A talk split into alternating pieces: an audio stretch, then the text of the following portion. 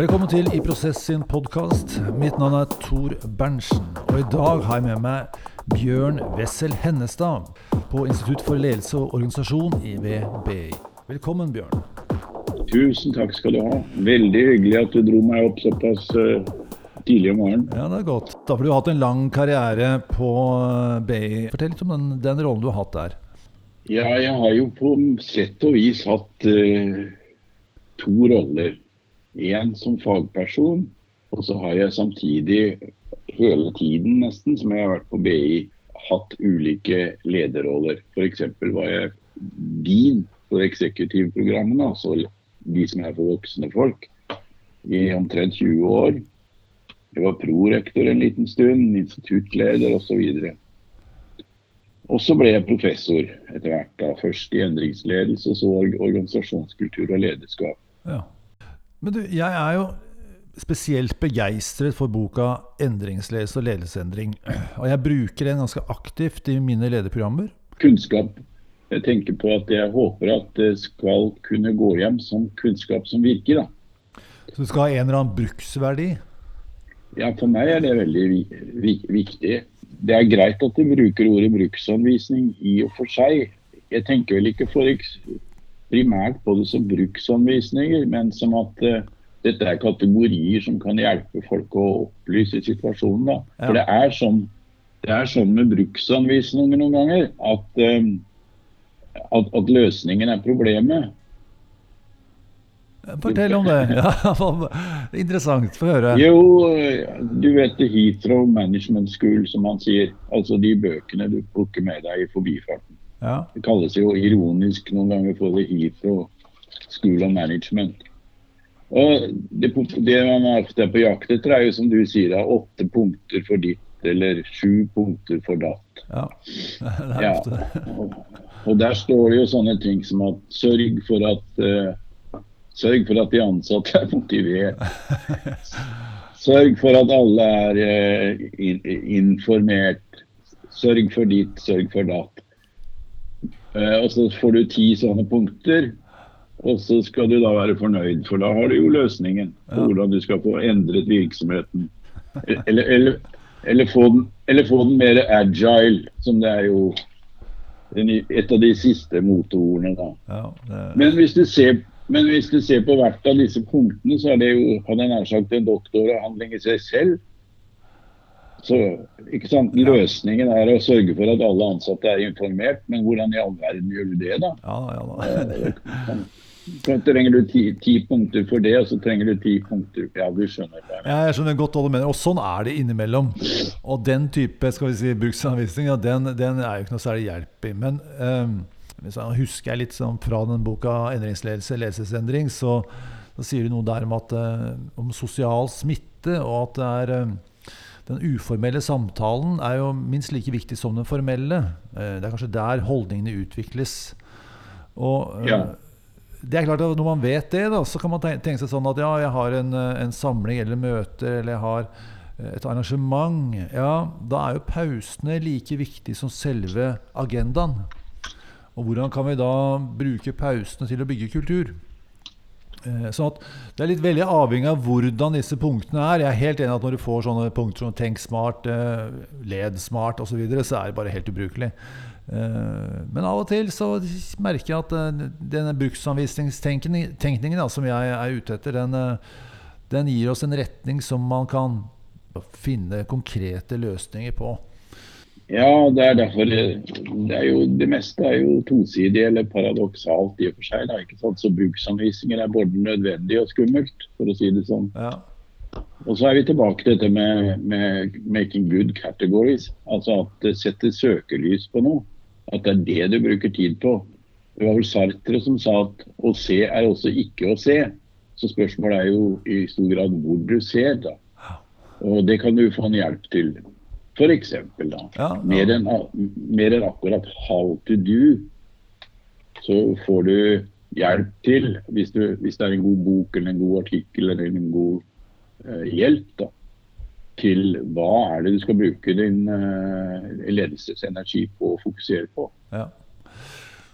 Men du har jo spesialisert deg på endringslese, som er kanskje mitt uh, ja, Det er det jeg jobber aller, aller mest med om dagen. Uh, hva vil du si er spesielt med endringsledelse sammenlignet med andre kategorier da, innenfor ledelse?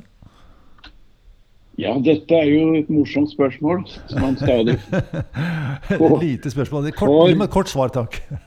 nå, nå, har jeg Jeg vet ikke hvor mange tusen jeg har kjørt uh, managementprogram i endringsledelse for.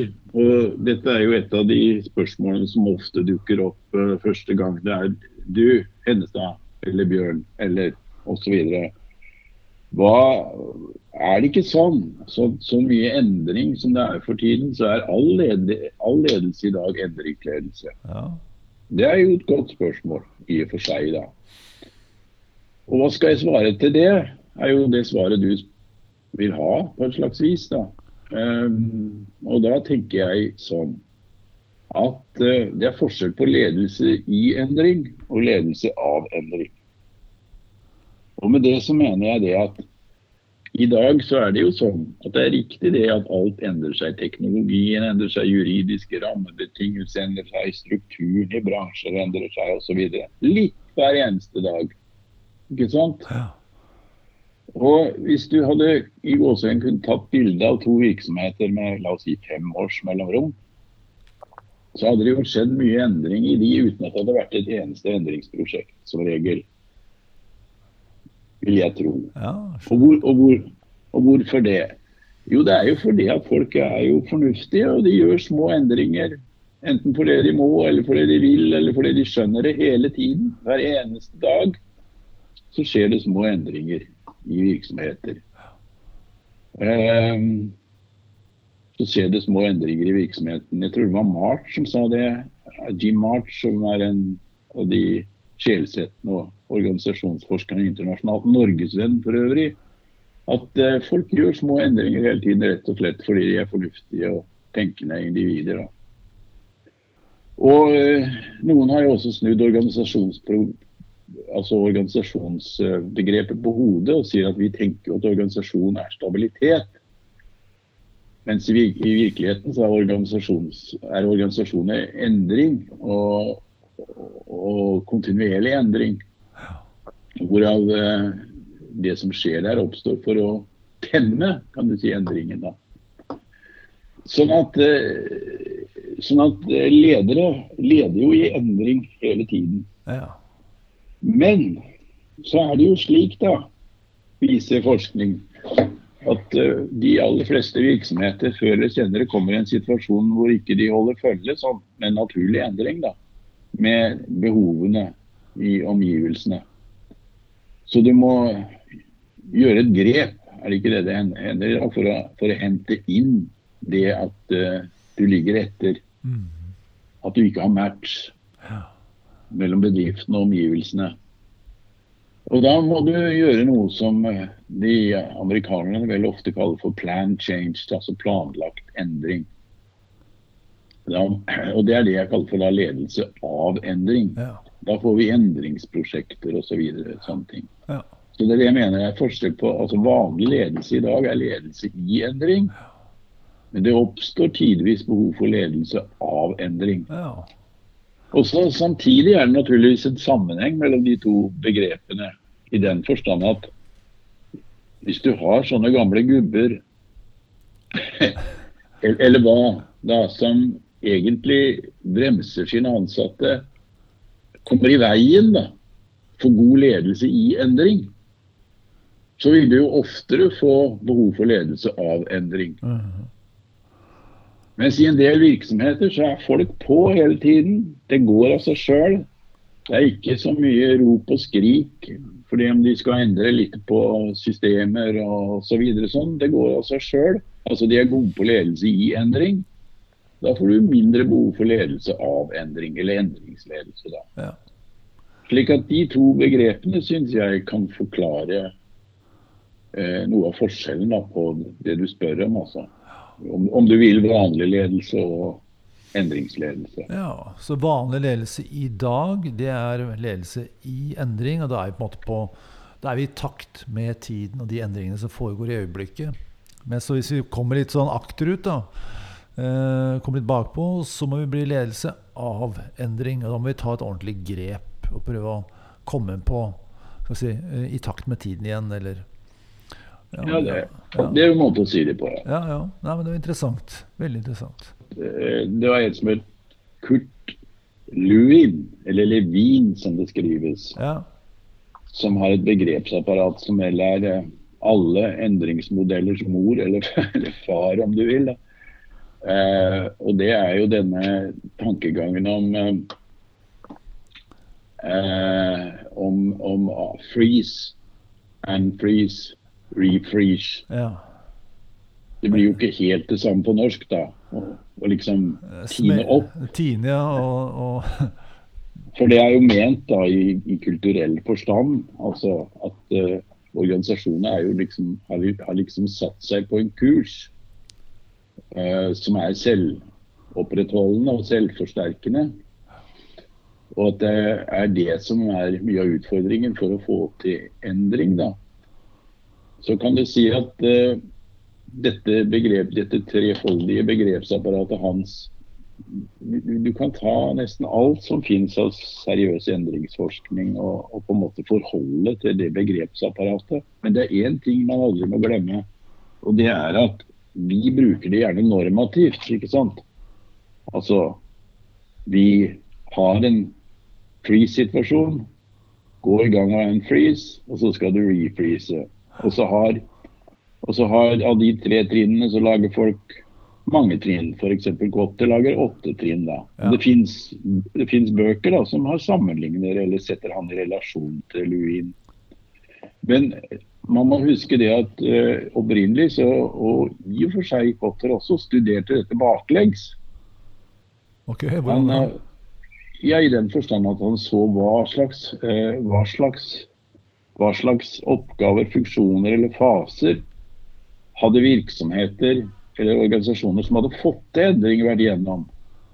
Og du ser, det, du ser, det, fra den posisjonen at du har fått til endring, og så ser du bakover.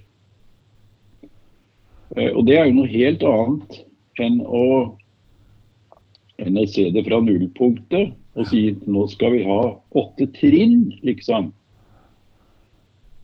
For det blir jo veldig lineært. Ja. Og en av McKinseys f.eks. store internasjonale undersøkelser om hvorfor endringsprosjekter ikke virker, viser jo at en av grunnene til at de ikke virker, er at de tenker altfor lineært. Vi tror liksom at vi kan gjøre ett trinn, og så går vi videre til neste trinn, og så går vi til det tredje, fjerde osv. Ja, ja, ja. Det er også en av mine store frustrasjoner. For ofte er det sånn når du er i fjerde trinn, da, så er det skjedd ting med det du trodde du fikk til i de første trinnene. Det står f.eks. at du skal få tilslutning, da. Men vi alle vet jo at folk uh, gir lettere tilslutning før de ser hvilke konsekvenser det har for seg sjøl. Så når du da plutselig er i fjerde og femte trinn, så må du ta opp den oppgaven igjen ja. og gjøre noe med det. Og det er vel sånn folk ikke leser Kotter alltid, da at uh, de ser på det som lineære trinn. Liksom. Ja. Uh, og, da, og, da, kjører de i grøfta som de 70 andre prosentene som ikke får til endring veldig fort. Så jeg sier vel heller det at se på disse, disse, disse punktene til f.eks. Kotter mer som funksjoner eller en trinn. Altså ting, ting som du må få til. Ja. Og de må du jo få til hele tiden. Ja, nettopp. Så, nettopp. Jeg har også alltid tenkt at uh, du blir aldri ferdig med noe. Og Skal du etablere en følelse av noen venner, så kan du ikke slutte med det etter 14 dager. Du må alltid holde den varm, liksom.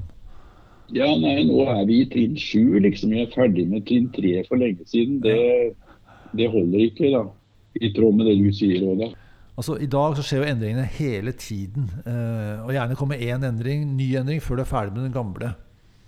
Sånn at liksom i mitt hode så er det slik at for 10-20 år siden så kunne du si at ja, ok, nå er vi akterutseilt. Vi, vi er ikke helt på nivå med, med tempoet i tiden, så vi må, vi, må, vi må, bli ledere av endring, slik du beskrev det i stad.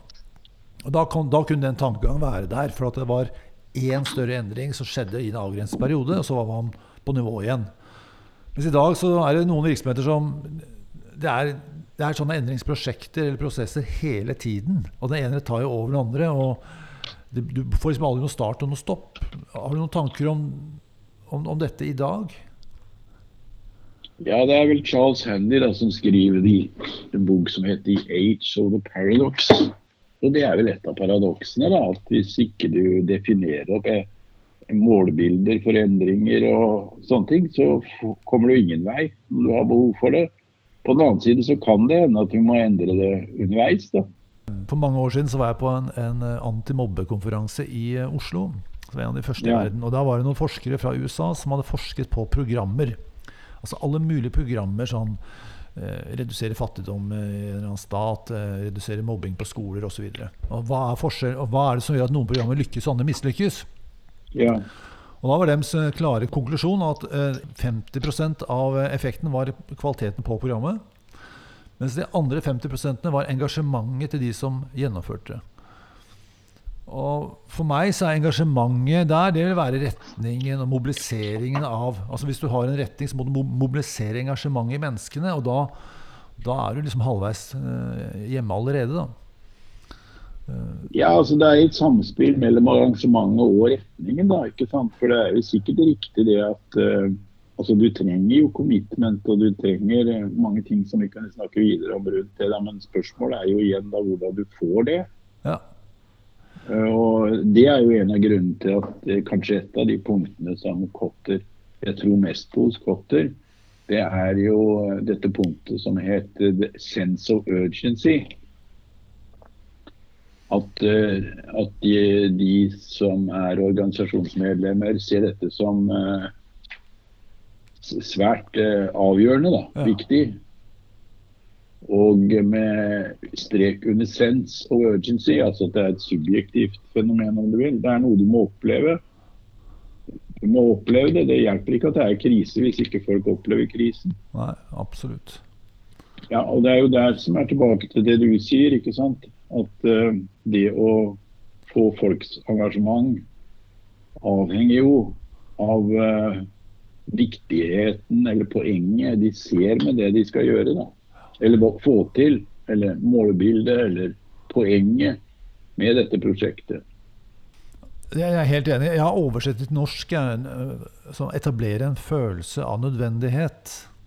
Ja, men den er, den er god. Ja. Det er bare det at urgency høres jo litt som mer viktig ut ja, enn nødvendig. ja, det, ja, det gjør det.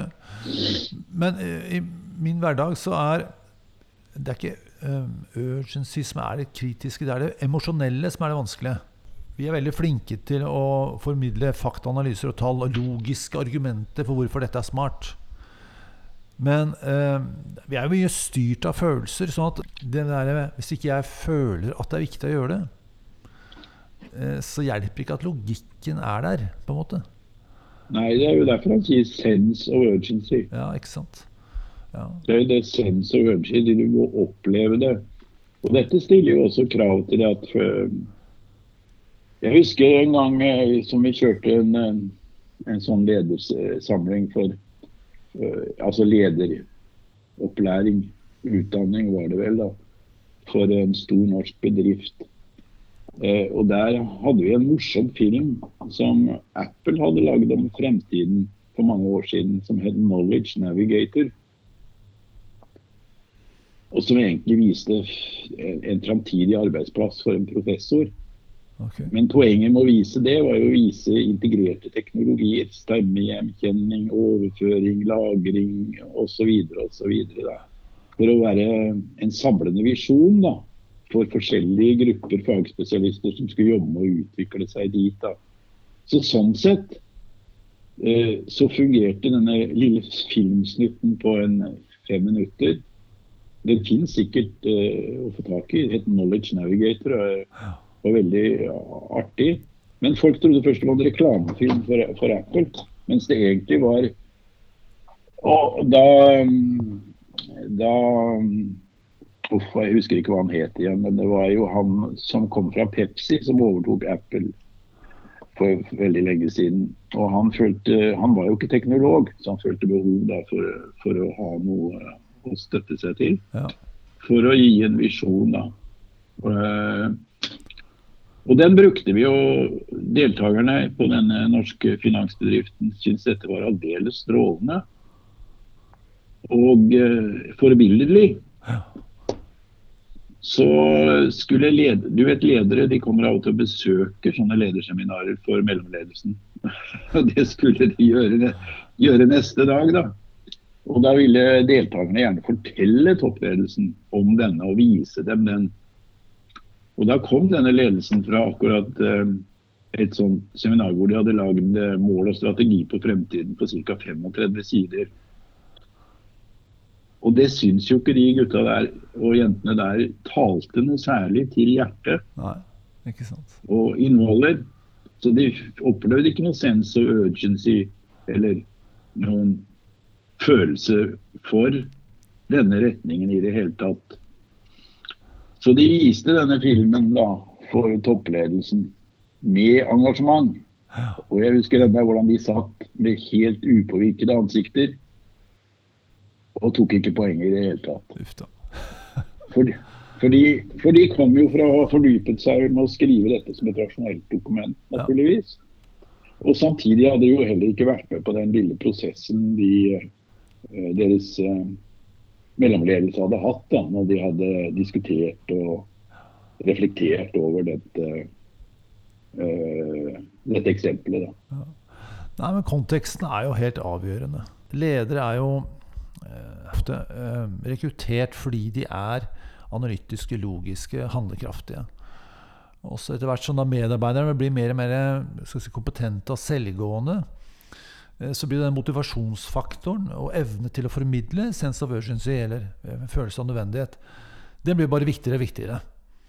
Du må forstå hvordan menneskelig samspill fungerer i mye større grad, og håndtere det samspillet. Eh, fremfor bare å håndtere faget. Og det handler jo, altså Ledere og lederskap handler jo stort sett om å utløse menneskelige ressurser i en retning. Så altså jeg mener Selvdrevne medarbeidere er det som trengs for en bærekraftig utvikling av fremtidens organisasjoner. At du har medarbeidere som sjøl ser rundt seg og spør hva som trengs. Spør hva som trengs av dem spør, som spør seg selv hva de nå trenger å lære. Spør seg selv hva de nå trenger å vite. Og er altså i stand til å ta avgjørelser der og da i spørsmål som er avgjørende og viktige for uh, situasjonen. da. Selvdrevne medarbeidere. Men det er klart at det trengs jo en spesiell type eh, lederegenskaper for å få fram sånne folk. At de ikke stopper dem, men at de, de dyrker dem fram. Og for så vidt uh, gjør sånne folk til ikke heltene, da, men uh, bildet på hvordan man skal være. Ikke ha de som bare gjør som sjefen sier, som de som får lønnspålegg og, og, og stillingsopprykk, for å si det på den måten.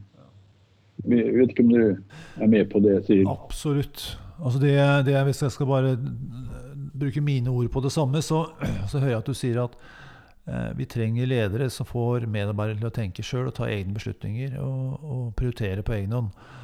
Og det er jo eh, en enorm kontrast, egentlig, hvis vi går tilbake til bare for å dra ned scenariet, gå tilbake til industrisamfunnet, eller ja, sikkert eh, senere enn det også, hvor du har hatt ledere som vet best, i dag så skal man dyrke frem medarbeidere til å lede seg selv og få de til å uh, stole på sine egne beslutninger, da, men forstå beslutningen i samspillet med resten av virksomheten. Ja, det er det som er poenget. Da, at, at ledere altså de kjenner jo kanskje best det store bildet. Men de kjenner jo ikke detaljene som skaper det store bildet, og som skal til. Så Det er jo én side av det ja. uh, hele. Men det er, jo også, det er, jo også, det at det er jo lederes oppgave å kunne få frem og formidle et vi kan kalle det målbilde, da, som gjør det mulig å være selvdrevet på, fell, på, fellesskapets, på fellesskapets premisser.